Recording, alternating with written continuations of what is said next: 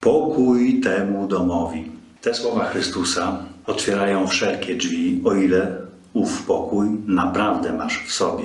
Po owocach poznają ludzie, ci czy niesiesz pokój, czy skłaniasz się ku pieniądzom. Jezus nakazuje swoim uczniom nie pokładać ufności w pieniądzach, kiedy wyruszają w drogę głosić Jego dobrą nowinę o wybawieniu człowieka ku radości życia.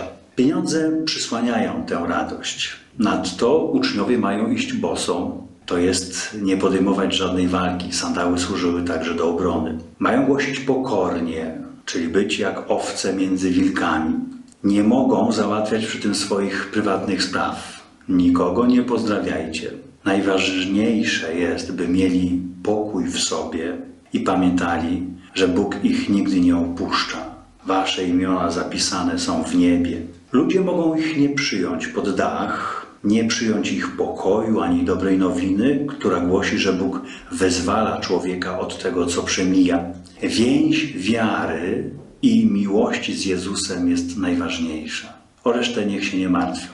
Najpierw wy idźcie po dwóch, niosąc pokój, potem ja przyjdę. Poznają was po tym, jak odnosicie się do siebie.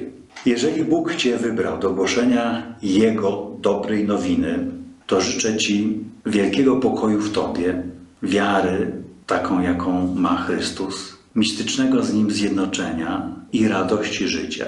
Nie musisz nosić, jak święty Paweł, blizn na ciele, znamion przynależności do Chrystusa. Do zwierzątek typu węże, żmije i skorpiony raczej miej zdrowy dystans i rozsądek. Jeśli chcesz iść boso, naprawdę trzeba ogromnej wiary, żebyś pokąsany przez nie śmiał się do rozpuku.